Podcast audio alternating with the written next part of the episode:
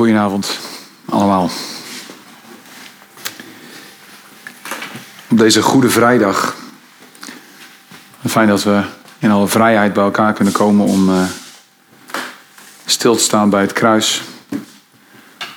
Stil te staan bij de redding van uh, ons, ons mensen, deze hele aarde.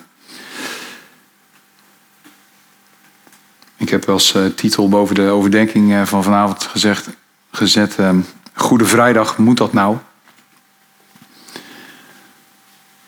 Want we staan eigenlijk stil bij uh, de marteling van iemand. En uh, ik was laatst op een paasviering waarbij alles werd verteld. Behalve dat Jezus aan het kruis ging. Dat werd wel symbolisch in beeld gebracht. Er waren heel veel kindjes bij. En dan is het wat grof. Maar vanavond willen we er dieper op ingaan bij het lijden en sterven van Jezus. Natuurlijk ook de opstanding. Maar daarvoor zullen we nog één stille zaterdag moeten wachten. En dan als opmaat naar zondag. Maar Goede Vrijdag moet dat nou. We beginnen met een uh, stuk uit de Bijbel te lezen. Om erachter te komen waarom Goede Vrijdag moet en moest. Gaan we veel teksten lezen vanavond. Dus uh, broeder Stefan zou zeggen: Heeft u allemaal uw zwaard bij u? Nou ga ik heen en weer bladeren in mijn Bijbel.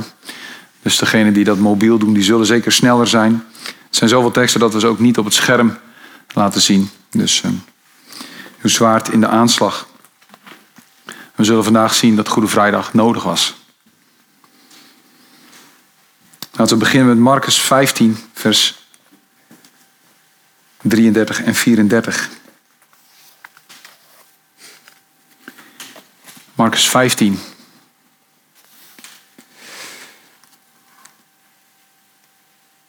We zitten midden op de vrijdagavond in het verhaal van de kruisiging. We gaan van heen en weer hoppen tussen een aantal teksten. Dit is het moment waar Jezus iets zegt dat mij als kind en als tiener eh, veel bezig heeft gehouden. Iets wat ik niet snapte. En ik uh, dit jaar dichterbij ben gekomen van het waarom. Vers 33.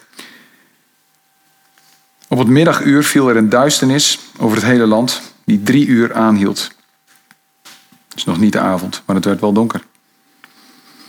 En aan het einde daarvan, in het negende uur, riep Jezus met een luide stem: Eloi, Eloi, lema sabachthani.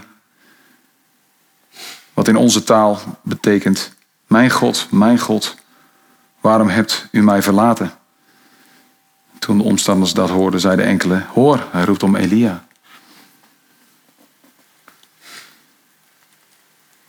En deze woorden, waarom heeft u mij verlaten?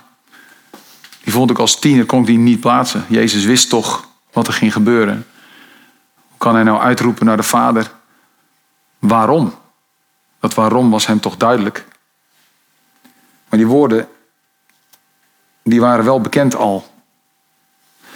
En die vinden we in Psalm 22. Laten we daar de eerste negen versen van lezen. Een psalm geschreven door David. Toen hij zich ontzettend verlaten voelde. Psalm 22 vanaf vers 1. Voor de koorleider op de wijs van de hinde van de dageraad. Een psalm van David. Mijn God, mijn God, waarom heeft u mij verlaten? U blijft ver weg en redt mij niet. Ook al schreeuw ik het uit. Mijn God, roep ik. Overdag. En u antwoordt niet. S'nachts. Ik vind geen rust. U bent de heilige die op Israëls lofzangen troont. Op u hebben onze voorouders vertrouwd. Zij hebben vertrouwd en u verloste hen. Tot u geroepen en zij ontkwamen. Op u vertrouwd en zij werden niet beschaamd. Maar ik ben een worm en geen mens door iedereen versmaad, bij het volk veracht. Allen die mij zien, bespotten mij. Ze schudden meewarig het hoofd. Wend je tot de Heer, laat Hij je verlossen, laat Hij je bevrijden. Hij houdt toch van je? Tot zover. Je kunt je afvragen als je daar een toeschouwer bent geweest van de kruisiging. Of dat Jezus wel in control was. Als hij uitroept ehm, waarom dit allemaal gebeurt. Overkwam het Jezus?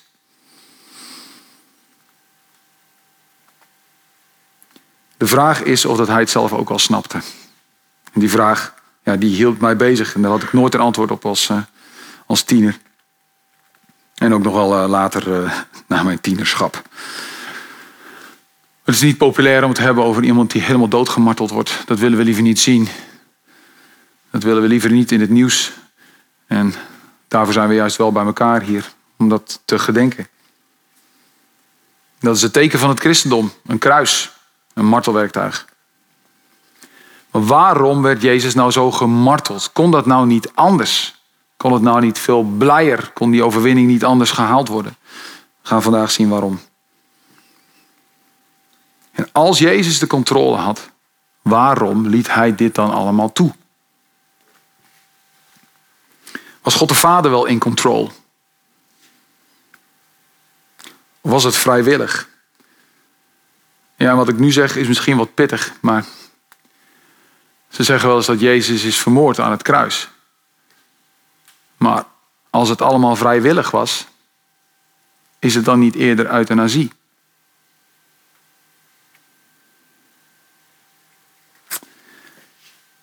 Een antwoord daarop lezen we in Johannes 10. Nou, we gaan naar Johannes 10, vers 17. Dan ga ik even bladeren. Dan zijn jullie misschien sneller. Johannes hoofdstuk 10 vanaf vers 17. De Evangelie naar Johannes. Is vlak na het stukje waarin hij uitlegt aan zijn discipelen over de herder die goed voor zijn schapen zorgt. Vanaf vers 17. De Vader heeft mij lief omdat ik mijn leven geef. Om het ook weer terug te nemen. Hier is al eh, een heenwijzing naar de opstanding. Jezus wist wat er ging gebeuren.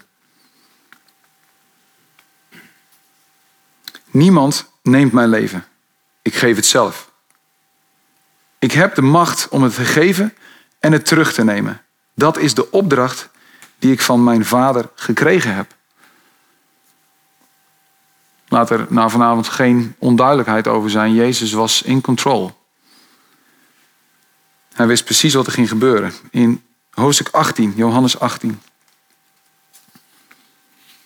We lezen vers 1 tot 8.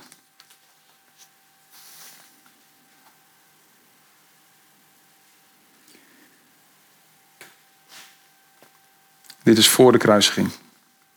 Nadat Jezus dit alles gezegd had, ging hij met zijn leerlingen naar de overkant van de Kidron. Dat is een uh, beek die naast uh, Jeruzalem ligt. Daar liep hij een tuin in met zijn leerlingen. Judas, die hem zou uitleveren, kende deze plek ook, want Jezus was er vaak met zijn leerlingen samengekomen. Judas ging er naartoe, samen met een cohort soldaten die een aantal dienaren van de en een aantal dienaren van de hoge priesters en fariseeën. Ze waren gewapend en droegen fakkels en lantaarns. Jezus wist precies wat hem zou gebeuren. Hij liep naar hen toe en vroeg: Wie zoeken jullie? Ze antwoordden: Jezus van Nazareth. Ik ben het, zei Jezus, terwijl Judas, die hem kwam uitleveren, erbij stond. Toen hij zei: Ik ben het, deinsden ze achteruit en vielen op de grond. Wie geeft zich nou vrijwillig over, denk ik dan. Ze hadden misschien gedacht dat hij wel op de vlucht zou gaan. Of dat ze niet zouden willen vertellen wie die persoon was. Maar ze vielen achteruit op de grond. Weer vroeg Jezus, wie zoeken jullie? En weer zeiden ze, Jezus van Nazareth. Ik heb jullie al gezegd, ik ben het, zei Jezus. Als jullie mij zoeken, laat deze mensen dan gaan. Ook hier offert hij zich op, treedt naar voren en weet wat er gaat gebeuren. Jezus had dit allemaal anders kunnen doen. Hij had de macht om de mensen die hem kwamen gevangen nemen, in één keer het leven te ontnemen. Een engelenmacht stond klaar om in te grijpen, zou je kunnen zeggen. Maar hij deed het niet. We lezen in Matthäus 26 verder hierover vanaf vers 53.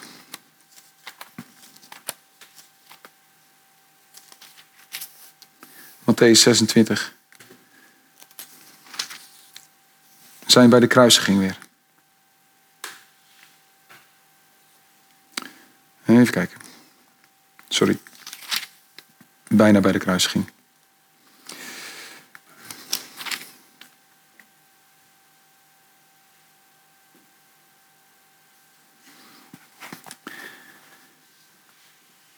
Vers 53 en 54. Je weet toch dat ik mijn vader maar om hulp hoef te roepen? Of hij stelt mij onmiddellijk meer dan twaalf legioenen engelen ter beschikking. Maar hoe zouden dan de schriften in vervulling gaan waar staat dat het zo moet gebeuren?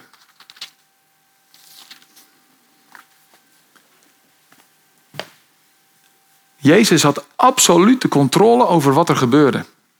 Het was volledig vrijwillig dat um, ja, Goede Vrijdag zo ging zoals het ging. Hij liet zich gevangen nemen. Hij liet zich martelen. Hij liet zich kruisigen. En hij liet zich eigenlijk ja, ontdoen van zijn mensheid. Hij is van God mens geworden. En zelfs dat liet hij zich nog afnemen. Hoe diep kun je gaan? Waarom gebeurde dit? Waar staat het kruis voor? Wat is nou de kern van het christendom? Dat is dat de schuld die mensen hebben weggehaald is. Dat, het, dat Jezus dat heeft gedaan. Het kruis staat symbool voor vergeving. En dat leren we dat hij op een gegeven moment, als hij aan het kruis hangt, dan roept hij uit: Het is volbracht. Er is daar iets gebeurd wat ervoor zorgt, voor gezorgd heeft dat het klaar is met de schuld van mensen. Het enige wat op dat moment nog te doen stond, was zelf ook nog te sterven. Hij was in zijn leven was hij ontkend als God, als zoon van God. Hij is uitgescholden. Hij is niet, hij is ook binnengehaald als koning, maar wel op de manier zoals de mensen dat wilden. En niet zoals hij gekomen was, of dat wilde. En hij wist dat dat ging gebeuren. Hij is geslagen. En dit is niet populair om te doen en we willen dit liever niet horen. Maar zijn baard is uitgetrokken. Hij is geslagen met een zweep die ervoor bedoeld is om je huid los te krijgen. Moet dat nou? Moeten we dat nu herdenken? Kan het niet, kan het niet even de light versie van uh, Goede Vrijdag, alsjeblieft?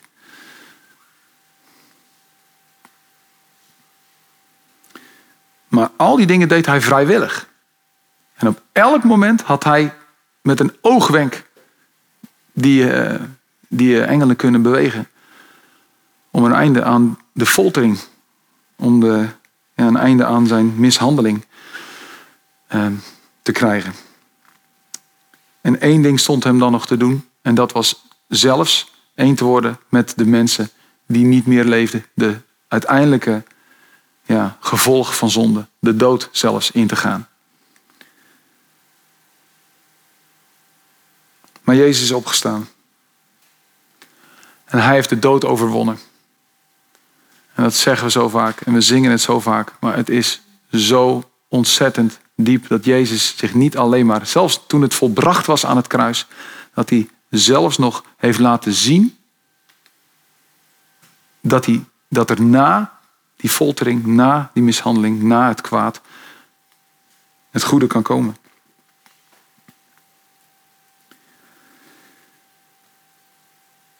Hij deed het vrijwillig. Ik heb een, uh, ja, het is niet een gedicht eigenlijk, want ik vind eigenlijk dat een gedicht zou moeten rijmen, maar het is een soort overdenking. Ik heb, uh, er zit ook wel een soort herhaling in. Maar voor mij kwam die reden waarom Jezus nou zo diep moest gaan, die kwam voor mij dit jaar eigenlijk voor het eerst pas echt, werd het mij helder. Toen ik het achter elkaar zette. Als Jezus alleen betwijfeld zou zijn geweest in wie hij was. En hij zou daarna hebben gezegd: Jullie zonden, mensen, zijn jullie vergeven. Welk voorbeeld zal Jezus dan zijn geweest voor de mensen die ook nog zijn uitgescholden? En als Jezus alleen maar, of ook nog bespot zou zijn geweest, welk voorbeeld van vergeving zou hij dan zijn geweest voor mensen die ook nog zijn geslagen en geschopt, die dat hebben moeten ondergaan in hun leven en dat willen vergeven? Dus Jezus liet zich ook vrijwillig in die zin schoppen en slaan.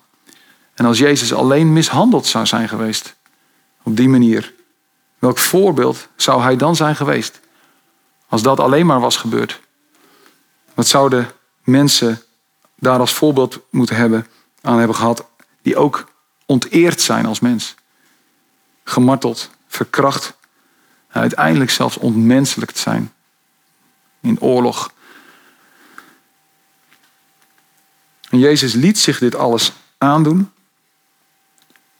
En hij vergaf het hen. Hij is zo diep gegaan. En daarmee is hij voor ons allen het voorbeeld geworden van vergeving. Hij heeft laten zien, elke stap. Niemand kan zeggen, ja, ik heb, ik heb nog meer geleden dan u. Hij is zo diep gegaan. En toen het was volbracht, is hij, is hij zelfs één geworden met de mensen die ook vermoord zijn. Die, die dood zijn gegaan. En toen is Jezus opgestaan. Hij heeft de dood overwonnen. Om aan te tonen dat er leven is na de dood. Dat er hoop is tijdens marteling en tijdens pijn.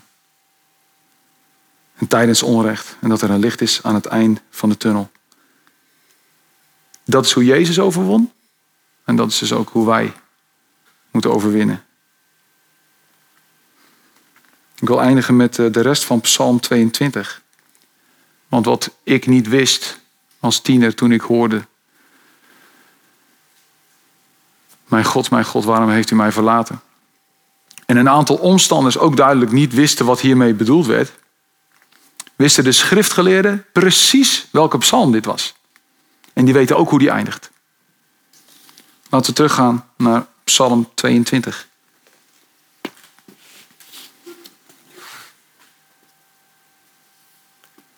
Vanaf vers 10. En voel op een gegeven moment in deze psalm ook de omkering. U hebt mij uit de buik van mijn moeder gehaald, mij aan haar borsten toevertrouwd. Bij mijn geboorte vingen uw handen mij op. Vanaf de moederschoot af bent u mijn God. Dit hoorde degene die deze psalm uit hun hoofd kende. Net zoals dat wij sommige liedjes uit het hoofd kennen, en de Joden zeker. Die wisten dat dit er allemaal nakwam. Dat dit in hetzelfde psalm van David ook zit. Blijf niet ver van mij, want de dood is nabij. Er is niemand die helpt. Een troep stieren staat om mij heen. Buffels van Bazan omsingelen mij. Roofzuchtige, brullende leeuwen sperren hun open naar mij. Als water ben ik uitgegoten. Mijn gebeente valt uiteen. Mijn hart is als was. Het smelt in mijn lijf. Mijn kracht is droog als een potscherf. Mijn tong kleeft aan mijn verhemelte. U legt mij neer in het stof van de dood. Honden staan om mij heen. Een woeste bende sluit mij in. Zij hebben mijn handen en voeten gebonden. Ik kan mijn beenderen tellen. Ze kijken vol leedvermaak toe. Verdelen mijn kleren onder elkaar. Gebeurde bij Jezus ook. Werpen het lot om mijn gewaad. gebeurde aan het kruis. En degenen die deze psalm kenden, die zagen dit ook. Heer, houd u niet ver van mij. Mijn sterkte, snel mij te hulp. Bevrijd mijn ziel van het zwaard. Mijn leven uit de greep van die honden.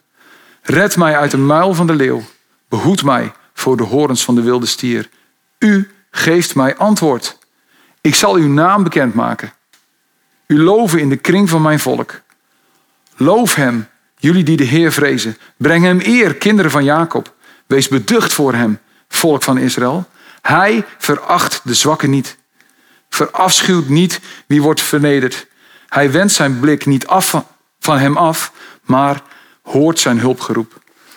Daarom klinkt mijn lofgezang in de kring van het volk. Mijn gelofte los ik in bij wie hem vrezen. De vernederden zullen eten en worden verzadigd. Zij die hem zoeken, brengen lof aan de eer, aan de Heer. Voor altijd mogen jullie leven. Een heenwijzing naar het eeuwige leven. Dat Jezus voor ons ja, bewerkstelligd heeft. Overal, tot aan het einde der aarde, zal men de Heer gedenken. En zich tot hem wenden. Voor u zullen ze zich buigen. Alle stammen en volken. Want het koningschap is aan de Heer. Hij heerst over de volken. Wie, over, wie op aarde in overvloed leven, zullen aanzitten en zich voor hem buigen. Alle stervelingen zullen voor hem knielen. Alle die neerdalen in het graf. Een nieuw geslacht zal hem dienen. En aan de kinderen vertellen van de Heer. Aan het volk dat nog geboren moet worden, zal het verhalen van zijn gerechtigheid. Om wat hij heeft gedaan.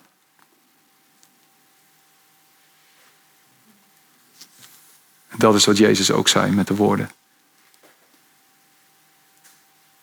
Waarom heeft u mij verlaten? Het is volbracht. Dat is wat hij heeft gedaan.